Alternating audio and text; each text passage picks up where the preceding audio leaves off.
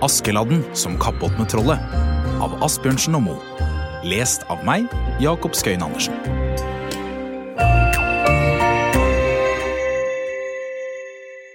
Det var en gang en bonde som hadde tre sønner. Han var gammel og fattig, men sønnene hans ville ikke gjøre noe på gården. Det hørte en stor skog til gården, og faren ville at sønnene skulle hogge i skogen. Han måtte be dem mange ganger før noen av dem ville dra av sted. Først skulle den eldste ut og hogge. Da han hadde kommet ut i skogen og hadde begynt å hogge på en stor gran, kom det et stort troll bort til ham.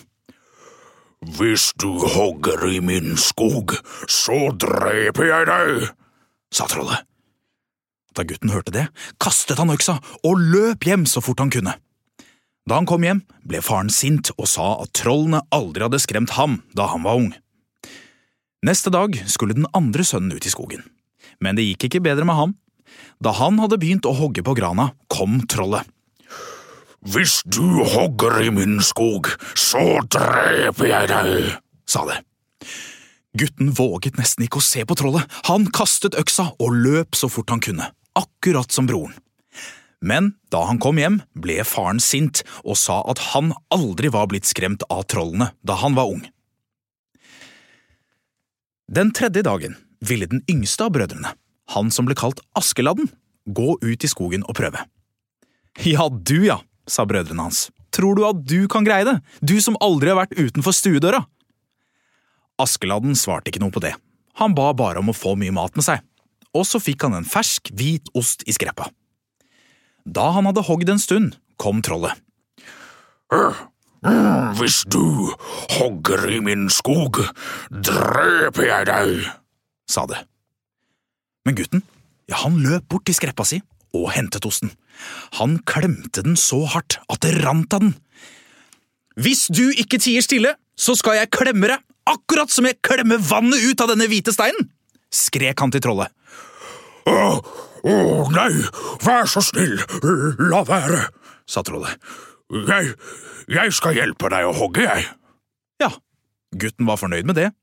Og trollet, det var flink til å hogge, så det ble mye ved den dagen. Da kvelden kom, sa trollet. Nå kan du bli med meg hjem. Det er lengre vei til deg enn til meg. Og jo, gutten ble med, han. Og da de kom hjem til trollet, skulle trollet tenne i peisen mens gutten skulle gå etter vann til grøten.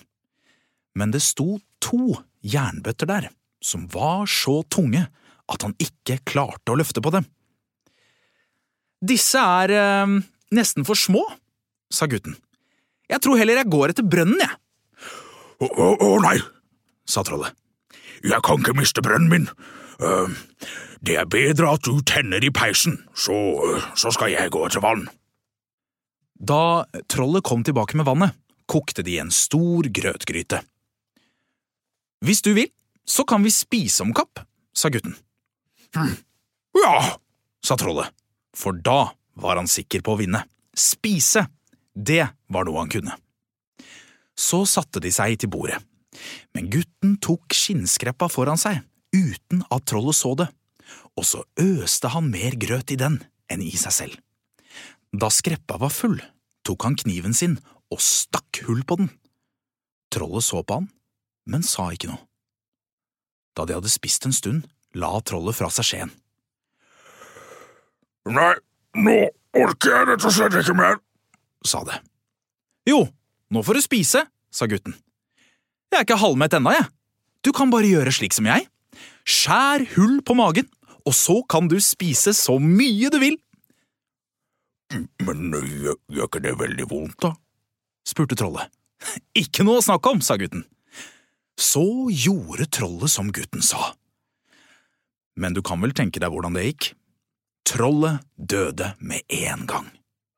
Mens gutten, han tok med seg alt det gullet og sølvet han fant, og gikk glad hjem.